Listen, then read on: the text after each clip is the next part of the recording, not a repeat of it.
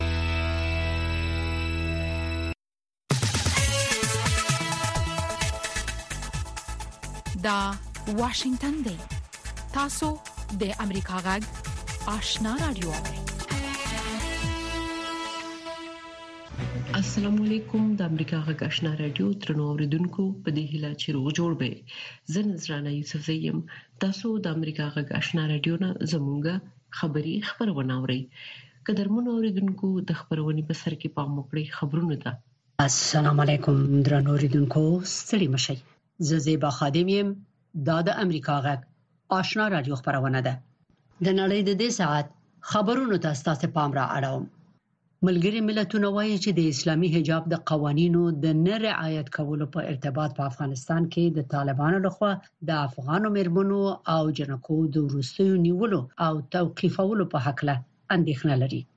د ملګرو ملتونو د عمومي منشي ویان سټیفن دوجاریک د فبرवरी په 12مه په نیویارک کې خبريالانو ته وویل یوناما اندېښنه لري چې د طالبانو لخوا د خزو د ځپلو د لړۍ ادامه او توقيفولو خزي نور هم منځوي کړی دي او دغه حالت په کورنیو کې نارینه او ته د خزو د زبلو ډیره خزه مینه مساعده کړې ده خاغلی دوجارک ویلي دي چې د ملګرو ملتونو مرستندوی هیئت یونما د افغان میرمنو او جنکو د غیر قانوني نیولو بندي کولو او زورولو مسله څېړي دا ښکاري چې طالبان په مذهبي او قومي اقلیتونو ظلمونه کوي د افغانستان لپاره د ایران د جمهور رئیس خاص استاذي او په کابل کې د دې هیواد سفیر هیله څرګنده کړې ده چې په دوه کې به پراتلونکو غونډه کې د افغانانو د ژوند د خکېدو په حق له کې موافقه وشي حسن کاظمي قمي د ایران دولتي خبري اژانس ایرنا سره په مرکه کې ویلي دي چې گاونډي هیوادونه او همداشان د سیمې هیوادونه د بل هر وخت نه اوس زیات په افغانستان کې د ثبات د ټینګېدو لپاره د دې هیواد سره د تعامل او همکارۍ په لټه کې دي خاغلی قومي ویلي دي چې نن ورځ د افغانستان مصالح او ګټې د سیمې او گاونډیو هیوادونو سره غوټه شوې دي او له همدې کبله هیله لرم چې د دوحې په غونډه کې به رغنده خبرې وشي او داسې موافقې به وشي چې د افغانستان په روان وضعیت کې به ګټور بدلون راوړي ټاکل شوې ده چې د فبرवरी په 13 او 19 د ملګرو ملتونو د عمومي منشي انټونیو ګوتيريش په بلنې په قطر کې د افغانستان د وضعیت د ارزیابۍ لپاره دویمه مشورتي غونډه جوړه شي د نړۍ خبرونه د واشنگټن نه نشریږي یو شمېر ایرانی مطبوعاتي منابعو د دوشنبه په ورځ د سیستان بلوچستان د سرحدي چارواکو په حواله راپورټ ورکړی دی چې په تیرو درې ورځو کې د افغانستان او پاکستان سره د ایران په پولو کې 2215 اتیا غیر قانوني بیا اسناد کسان نیول شوې دي دولتي خبري اژانس ایرنا د ایران د سیستان بلوچستان د سرحدي ګارد د قومندانۍ د ټولنیز مرستیال علي رضا فضلي له قوله ویلي دي چې سرحدي قواو دغه کسان د تښتېدو په حال کې نیولي دي خدای نه دی ویلي چې په دوی کې څومره افغانان وو مګر هره ورځ زیات شمیر افغانان په غیر قانوني لارو ایران ته ځي نن د سه شنبه ورځ د 2024م کال د فبرورۍ د میاشتې 14مه ده د فبرورۍ 14مه هر کال په نړۍ کې د رادیو د نړیوالې ورځې په مناسبت غونډې جوړیږي او دغه ورځ نمانځل کیږي په دې حق له نور تفصيل ته تاسو پام را اړوم د ملګرو ملتونو علمي او کلتوري سازمان یونسکو د دې غورځې د لمانځنې په مناسبت د فبرवरी په 12مه په پیغام کې ویلي چې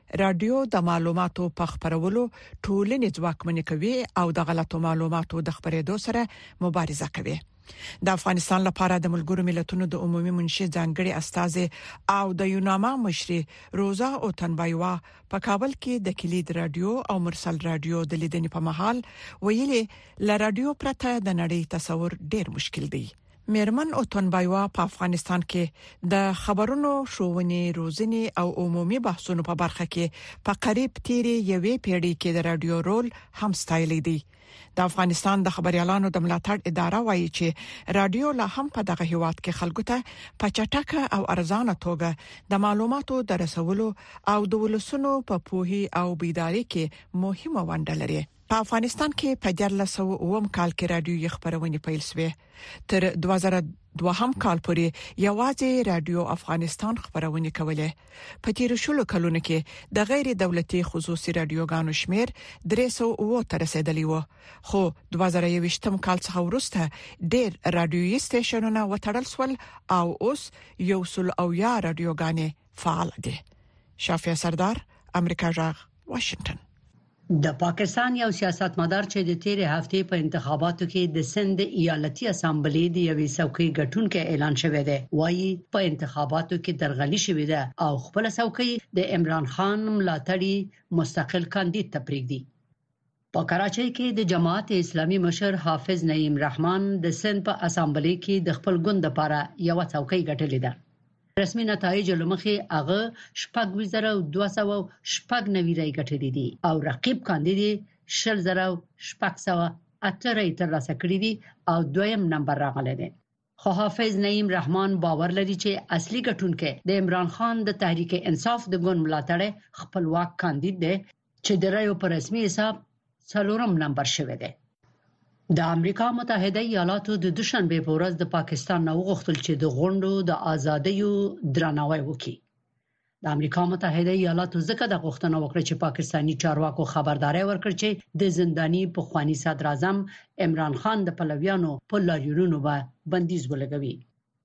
د امریکا د باندنیو چارو د وزارت نطاق متیو ملر د دوشنبې په ورځ په واشنگټن کې خبريالانو ته وویل متحده ایالات غواړي چې د نړۍ په هر ګوټ کې د غونډو او لاریونونو د ازادۍ درناوی وشي د روسیې پوځ چې د فبرवरी په 12مه یې د اوکرين د دنیپرو پتروف په سیمه کې د بي پیلوټه الوتکو بریدونه پیل کړي دي نن هم دغه بریدونو ته ادامه ورکړې ده د دې سیمې والي په ټلګرام کې لیکلي دي چې د دنپرو په ښار کې د روسیې په حملو کې د انرژي تاسیسات او ودانۍ وشتل شوې دي هغه لیکلي دي چې په دې حملو کې لږ تر لږه درې کسه وژل شوي او یو شمېر نور زخمی شوي دي بل پلو د اوکرين د هوایي مدافع قوې ویلي دي چې د فبرवरी په 14مه ورځ سهار د دنیپرو پتروفس ژپروژیا او خرسون سیمو کې د روسیې له درویشت بې پیلوټه الوتکو نه شپاړس بې پیلوټه الوتکې غورځولې دي. او د ناټو د دفاع د وزیرانو په غونډه کې د امریکا د دفاع د وزیر ګډون لغوه شو. یو امریکایي چارواکي د فبروري په 12مه ویلي دي چې د امریکا د دفاع وزیر لوید آستن د بستر کېدو نه وروسته چاري د هغه مرستيال ته وسپارل شوې او بروکسل ته سفر هم لغوه شو. ټاکل شوې و چې ښاغلی آستن د پنځشنبه په ورځ د بلجیم په پایتخت کې د ناتو د غړو هوادونو د دفاع د وزیرانو د غونډې نه یو ورځ مخکې د اوکراین د ارتباطي ډلې سره په جلا غونډو کې ګډون وکړي او بیا په بروکسل کې د ناتو په غونډه کې برخه واخلي زیبا خادم امریکا غږ واشنگتن د امریکا غږشنا رادیو ترنو اوریدونکو تاسو خبرونه واوریدل په موکړی زمونږه د خبرونې لومړی رپورت ده د فروری د لسمه په نړۍ کې د رادیو د نړیوالو ورځې په توګه لمانځل کیږي د افغانستان د رسنیو ملاتړ ادارې وایي اوس هم رادیو لا په دغه هواد کې خلکو ته په چټکه او ارزانه توګه د معلوماتو د رسولو او عامه پوهې په برخه کې مهم رول لوبوي افغانستان لپاره د ملګرو ملتونو مرستندوی پلاوی دفتر یو نامه مشر ویلي چې له رادیو پرته د نړۍ تصویر ډیر مشکل دی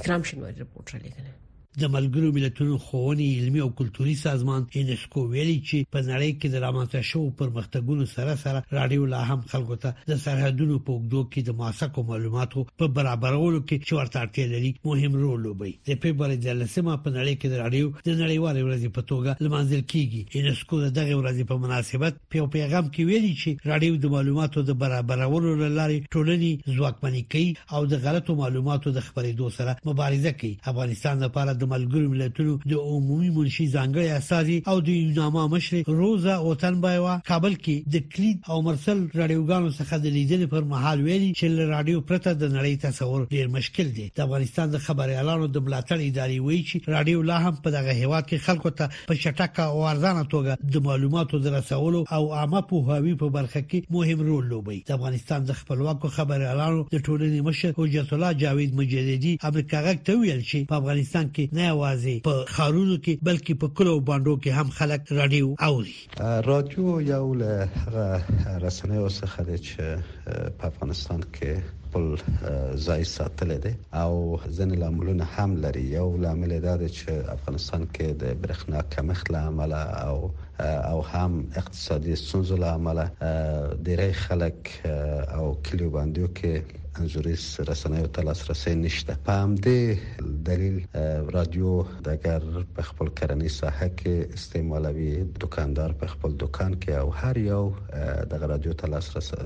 لاسرسي لري د کې بل ځنګړتیا ودا ده چې په هر برخه کې رادیو کولای شي چې خلکو ته پیغام ورسوي په افغانستان کې په لومړي ځل رادیوي خبرونه د کابل رادیو په نوم د پخوانی پاشا امان الله خان د واکمنۍ پر مهال په 1400 لمریز کال کې پیل شوې د 2002 میلادي کال پورې په افغانستان کې یوازې یو دولتي رادیو رادیو افغانستان خبرونه کولې خو دغه کال وروسته په دغه هیواد کې د خصوصي رادیو خبرونو د پیلېدو بهیر پیل شو چې په ترڅ کې په تیر 12 لسیزو کې په کابل ولایتونو کې په لږونو خصوصي رادیو خبرونه پیل شوې چې په وخت کې په افغانستان کې د دغو رادیوګانو شمیر 350 ته رسیدلی و روجت الله جاوید مجیدی د معلوماتو لمخې وسمال په دغه هیواد کې دغه رادیوي خبرونه شمیر 250 ته راټیټ شوې دي 258 رادیوګانې فعالیت لري چې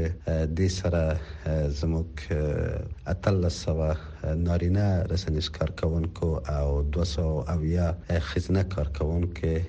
په کار بوخت دي د خبريالانو د ملاتړ ځینې نړیوال سازمانونه د دغو رادیوي خبرونو د بندیدو په عواملو کې د اقتصادي ستونزو سربېره د طالبانو د حکومت لخوا پر رسنیو او خبريالانو په ځانګړي ډول ښځینه خبریالانو او رسنیو کارکوونکو باندې پرله پسې بندیزونه او محدودیتونه ګڼي د بې پولې راپور ورکوونکو سازمان آر ایس ایف د تیر 2023 کال د رسنیو وضعیت په اړه په یو راپور کې ویلي چې افغانستان کې واک ته د طالبانو د بیا رسیدو وروسته د نږدې 12000 خبریالانو له ډلې چې په دغه هیواد کې کار کوو نږدې 8000 یې خپل مسلک پرېښی دی د رسنیو د ملاتړ د ادارو د معلوماتو له مخې په تیرو څو باندې دوه کلونو کې 19 نوي او سلیریش په خواني بندې راډیوګانې بیرته فعالیت پیل کړی دی همدا شان په تیر یو کال کې په نه ولایتونو کې نه راډیوګانې د مختلفو عواملو لامل تړل شوی چې وی بیرته پرانیستل شوی او دوی لا هم چلنې دي د زابل په ولایت کې د پیغام په نوم دیوي سیمه ییز رادیو مشر روح الله حکیمي امریکا غږ ته ویل چې اوس د بخوا پرتله د دوی سوزي یو څه کمی شوی دي موږ غوښتنه د رسنیو د ملاتړ او بنسټونو او د افغانستان د اوسنی حکومت څخه دا دي چې دوی دې د رسنیو د مالی ملاتړ لپاره بنسټیز پروګرامونه په لار واچي او په دوامدار توګه دې د محلي رسنیو ملاتړ وکړي او همدارنګه د معلوماتو د شریکولو په برخه کې د حکومتي ادارو څخه د لا نور همکاریو غوښتونکي هم یو. ځینې نړیوالې رسنۍ، امریکا غږ، ازادي او بي بي سي، په ګډون د ګاونډیو هېوادو او د سیمې هېوادو له خوا هم افغانستان ته راډیويي خپرونې کېږي. د بدلون پر مهال کله چې د نړۍ وضعیت څرګند نه وي او کله چې اورېدل له عیني واقعیتونو سره سمون نه خوري، موږ په حقیقت پسې ګرځو کله چې موږ ته د یو موضوع یوازې یو اړخ بیانېږي نو باور بایلو د ناورین پر مهال د یوې ښې راتلونکې لپاره زموږ خوبونه تم یو هلي پر آزادو مطبوعاتو تکیه وي د امریکا غږ پر چپو موږ هغه خبرونه خبرو چې خلک یې د لیدلو لپاره غواخونه مني موږ نړۍ سره وسلو او د حقیقت په ویلو یو موټی کوو د امریکا غږ لاري موږ بشپړ انزور درکو د اردن پاچا ملک عبد الله لومړی عرب رهبر دی چې د اکتوبر 2 مې او اسرایل او حماس د جګړې د پیل راپدې خواسپینې ماڼۍ ترازی او د جمهور رئیس بایدن سره د برمته شو په یو قرارداد او د غزې پر راتلونکو بحث کوي نور تفصيل په دې رپورت کې دا د غزې د سویلي رفح ښار انځورونه دي چې اسرایلی ځواکونو د دوشنبه وختي عملیات پر پیل کړی دي په دې عملیاتو کې د حماس له قیده هغه دوه برمته شوي هم آزاد شول چې د اکتوبر د ومې راهیسې نیول شوي وو خو په دې عملیاتو کې حد اقل سل کسان وژل شوي او به حساب نور ټپیان دي په دې ښار کې کابو یو اشاره 15 میلیونه فلسطینیانو پناه اخیستي کوم چې نفوس د جګړې د پیل راهیسې 15 برابر زیات شوی دی ولسمشر بایډن او د اردن پاچا ملک عبدالله د دوشنبه په ورځ د برمته شویو د آزادیدو لپاره په هڅو او غزې ته د بشري مرستو په لیږد هوکړه وکړه خو د رفی د عملیاتو په اړه د هغوی دریځ متفاوت وو بایډن د اسرایل لومړي وزیر ته خپل تیر خبرداري تکرار کړ په رفح کې لوی نظامي عملیات باید د موثق پلان پرته ترسره نه شي، داسې یو موثق پلان چې هلته د څه باندې یو میلیون دېره شویو کسانو د خوندیتوب او ملاتړ تضمین وکړي. پکار ده د هغوی ساتنه وشي او موږ د هماغه لومړیو څخه روښانه کړې وه چې په غزه کې په زور د فلسطینیانو له بې ځایه کېدو سره مخالف یو. ملک عبدالله نور هم روښانه دریځ درلود. مونږ پر رفح د اسراییلو برید نشو زغملای، دا یقیني ده چې د بل بشري ناورین د رامنځته کېدو لامل کیږي. مونږ همدا اوس یو تلپاتې اوربند ته اړتیا لرو. دا جګړه باید ختمه شي. خو د اسراییلو لومړي وزیر بنیامین نتانیاهو د یکشنبې په ورځ وویل، هغه کسان چې وايي اسراییلي ځواکونه باید په هیڅ صورت رفح ښار ته داخل نشي، اساسا غواړي چې اسرائیل جګړه وبایلي. بایډن د جګړې په پیل کې د اسرائیل ملاتړ وکړ، خو اوس یې اقدامات تر پوښتنې لاندې راوستي. نوموړي تیره اونۍ په غزه کې د اسرائیل نظامي ځواب له حده زیات وباله. خو سپینې ماڼۍ د دوشنبې په ورځ د اوربند پر ځای د برمته شویو د یو قرارداد یادونه وکړه کوم چې په جګړه کې به حد اقل د شپږ اونۍ وقفې لامل شي بلخوا د بشري چارو مسولین په رفع کې د جګړې نوې پړاو ناوړه بولی په ډېره زیاته اندازه ملکي کسان چې اکثریت به یې ماشومان او مېرمنې وي احتمالاً مړه او ټپیان شي. موږ د هغو اقداماتو په وړاندې خبرداری ورکړی چې د جګړې قوانین نقض کوي. په رفح کې د دا ډول عملیاتو لید نورو وحشیانه جرایمو ته لاره هواروي. نړۍ باید د دې کار اجازه ورنه کړي. حماس چې د امریکا لخوا د ترهګرې ډلې په توګه نومول شوی، د اکتوبر په اوومه پر اسراییلو برید وکړ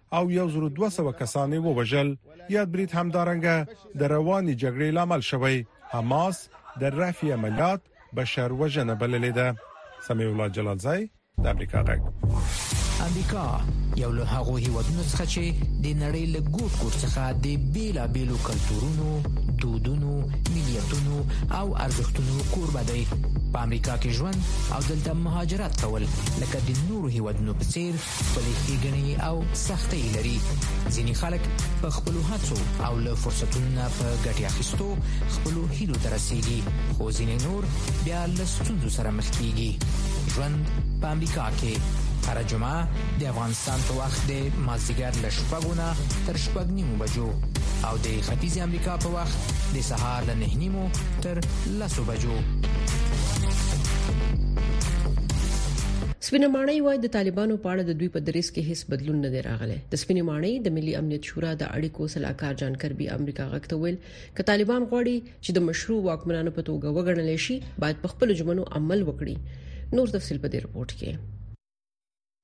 د سپینې ماڼۍ د ملي امنیت شورا د اړیکو صلاحکار جان کوربي په یو خبري کانفرنس کې د دوه راتلونکو غونډې ته په اشاره د امریکا غږ د پوښتنې په ځواب کې ویل چې د طالبانو په اړه د دوی په دریځ کې هیڅ بدلون راغلی نه دی مونږ په رسمي توګه دا ویلي چې طالبانو سره د اړیکو عادي کولو یا پر رسمیت د هغوی پیژندلو په برخه کې د متحده ایالاتو په دریځ کې هیڅ بدلون نه دی راغلی مونږ تل ویلي چې که هغوی غواړي چې د مشروع واکمنانو په توګه وګڼل شي باید په خپلو کړو ژمنو عمل وکړي چې تر اوسه یې پر عمل نه دی کړی بلخوا ملګري ملتونه وایي چې د طالبانو لخوا د اسلامي حجاب د قوانینو نه مراعات کولو په تړاو په خپل سر د افغان میرمنو او نجونو د ورستیو نیونو او په بند کې د هغوی د ساتلو په اړه ډیره اندېښنه لري د ملګرو ملتونو د عمومي منشي ویاند سټیفن دوجارک وایي د ښځو د ځپلو روان بهیر به په خپل سر د نیولو ویرې له امله ښځې د نورې انزوا سره هم مخ کړي د ملګرو ملتونو پلاوی اوس مهال د ناسم چلند او غیر قانوني نیونو د طالبانو لخوا افغان میرمنو او انجونو اړوند تورونو د ارزونې په حال کې دی او داسې ښکاري چې مذهبي او قومي اقلیتونه په یو ډیر نامتناسب ډول د طالبانو د دغو ځپونکو اقداماتو تر اغیزې لاندې راغلي دي. د طالبانو حکومت د بدحجابۍ په تور د ښځو او نجونو د نیولو لړۍ د تیر 2023م کال په وروستي ورځو کې پیل کړې ده خو طالبان د حکومت د حجاب په تړاو د ښځو د نیونو راپورونه رد کړي پر میرمنو محدودیتونه په داسې وخت کې زیات شوي چې ټاکل شوی ملګری ملتونه د افغانستان په اړه د فبروري په 13 او 19 په دوه کې دویمه مشورتي غونډه جوړه کړې یو شمېر معترضې مېرمنې وایي د دوحې په غونډه کې طالبان ته د ګډون پر ځای دی نړیوال ټولنه له هغوی سره حساب و کتاب وکړي ما مردم افغانستان از جامعه جهانی می خواهیم که در مورد وضعیت افغانستان تصمیم جدی بگیرد در نشست دوحه با آمدن طالبان وضعیت برای زنان هر روز دشوارتر می شود و ما مردم افغانستان خواهان حکومت همشمول هستیم که با اتحاد و آرای مردم انتخاب شود میلیون ها زن و دختری که در این کشور زندگی میکند روزهای خود را مملو از اندو درد ناامیدی میگذراند آنها امروزه در نگرانی خودشان و آیندهشان است افغانستان لپاره د ایران د جمهور رئیس ځانګړي استازي حسن کاظمي قومي ویلي د سیمې او گاونډي هیوادونه د بل هر وخت څخه زیات افغانستان کې د ثبات د ټینګېدو لپاره دغه هیواد سره د تعامل او همکارۍ په لټه کې دي وحید فیضی د امریکا غږ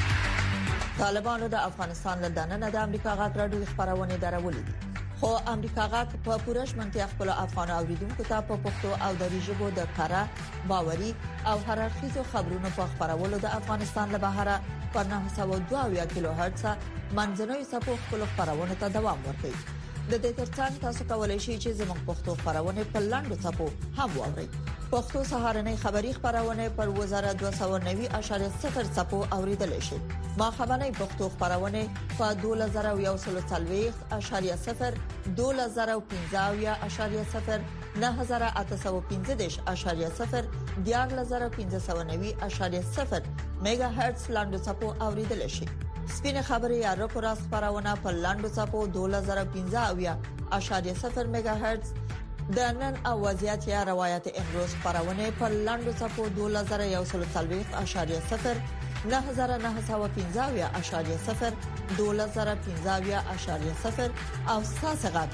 یا صداي شما خبرونه پر لاندو صفو 2513.0 9315 میگا هرتز اوریدل شي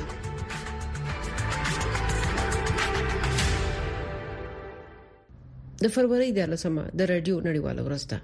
دا ورځ د 2019 کال د نومبر په 3 نیټه د یونسکو لخوا وټاکل شو نور تفصيل د نوشابه آشنا پر رپورت کې د چارو ځنې پوهان وايي تجربو خودلې چې رادیو د انسانانو لپاره د پوهاوي مهمه او اسانه وسیله ده اسانه رسنۍ ده به وسلې خلک د لری پرتو سیمو خلک ډېر استفاده ورڅخه او شي استفاده ورڅخه کولای شي او زنن چې څوک کار کوي راډیو مزاحمنه ده یو څوک فرضاً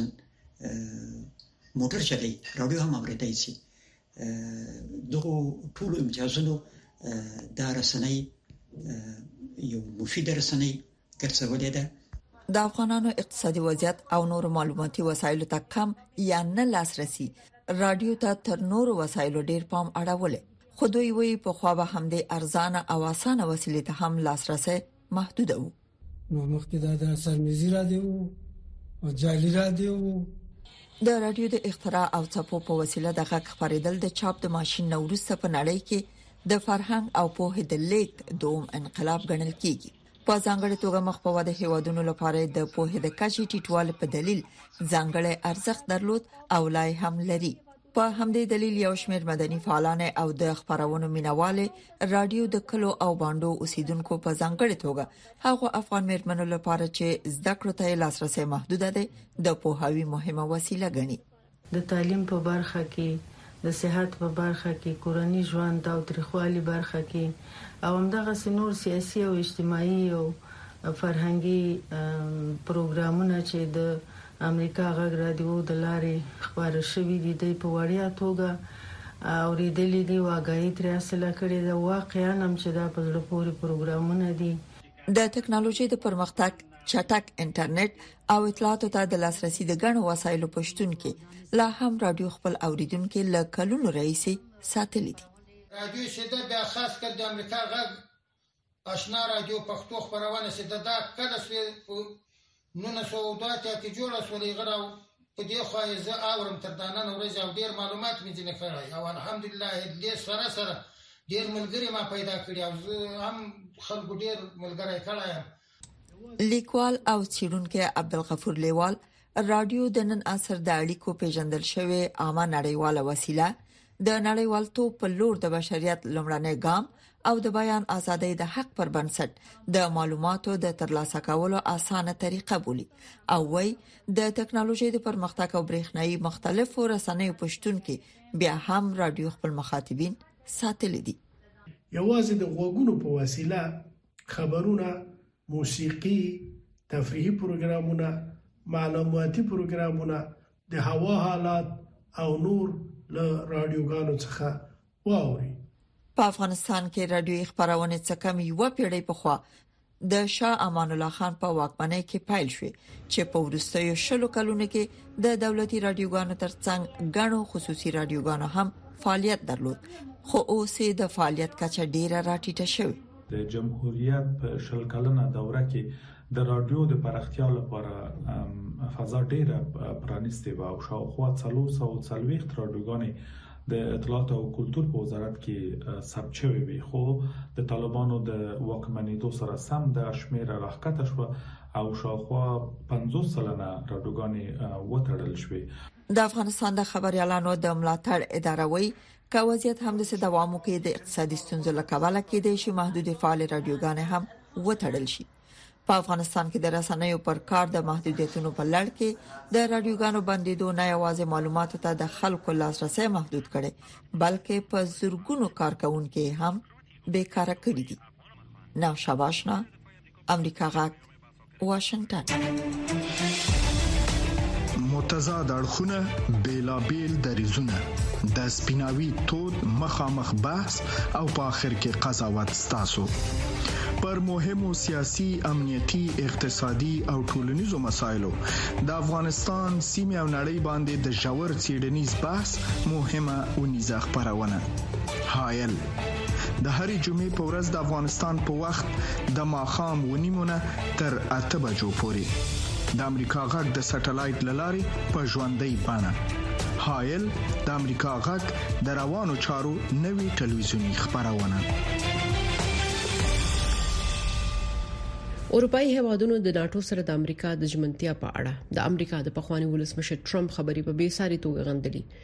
ټرمپ په دې وروستیو کې ویلي چې کله امریکا راتلونکي ټاکنې وګټي د روسیا په خپل هغه متحدینو چې د نوموړي په وینا مجرمان دي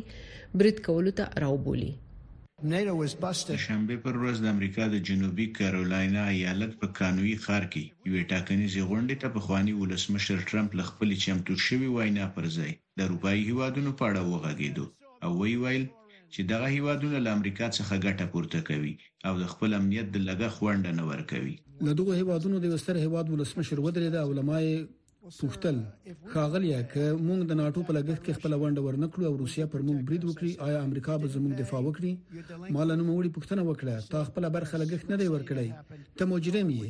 هغه وويل، هو، راځئ تصور وکړو چې دا کار وشو او ترمپ ورته وويل، چې امریکا به په دغه حالت کې د دوی دفاع ونه کړي په حقیقت کې زه به هغوی وهڅوم چې هر څه چې دوی غواړي له تاسو سره یې د وکړي د روسیې د ولسمشر پوتین سره د ټرمپ ښکاره علاقه او د ناټو د متحدینو سره د نوموړي بې باوري نوې نه ده، خو د ټرمپ دا تبصره چې روسیه دې د ناټو پر یوه غړي هېواد برید کولو ته وهڅوي، په غیر عادي ډول یې د اروپايي هېوادونو غبرګونونه راپارولي. Let's be serious. دا ډیره جدي ده د ناتو ائتلاف ته خړو کوم منیو نه ده دا به موجود وي یا نه وي خو زه به د امریکا د ټاکنو د منډو ترلو پر مهال د یوې بې معنا نظریې په اړه خپل وخت ضایع نه کړم د ټرمپ د وینا برخلاف د ناتو هیڅ یو غړی هیواد د ناتو پوروړی نه دی. په 2014 کال کې د ناتو غړیو هیوادونو تر 2024 کال پورې د خپلو کورني عوایدو دوه سلنه برخه پر خپلې دفاع د لګولو ژمنه وکړه. په دې اړه د مخه د امریکا تګلاره تر یو بریده بدلیدونکې ده ځکه ترامپ کاندید دی د جمهوریت غوښتونکو ګوند مخکښ دی دا خبره د موضوع څرګندونه کوي دا لدې سره چې ټاکنې کوم لوري ته روان دي او څه تړاو ورسره لري اورپا خای په یو ډول به د روسیې سره یوازې پاتې شي او په ځانګړي ډول به اورپا د اوکرين په جګړه کې بالکل یوازې پاتې شي یو بل شنونکي امریکا غږ ته ویلي، چې د امریکا کانګرس د ناټو ایتلاف د خوندي ساتلو لپاره داسې تګلارې جوړې کړي، چې د اروپا امنیت یې له دویمې نړیوالې جګړې را په دې خوا تضمین کړي. رښتیا دا چې په دوه زره درویشت کال کې د ملي دفاعي بودیجې د قانون له مخې کانګرس داسې یوه ماده تصویب کړه چې لمخې یې هیڅ ولسمشر د کانګرس لمنځوري پرته له ناتو څخه په یو اړخیزه توګه نسی راوتلای نور شنونکي وایي پرته له دې چې په رسمي توګه له دغه ایتلاف څخه راووځي د امریکا راتلونکي ولسمشر د ناتو د کمزوري کولو لپاره نورې لارې هم په مخ کې لري مدولر چیول اشنا تلویزیون واشنګټن.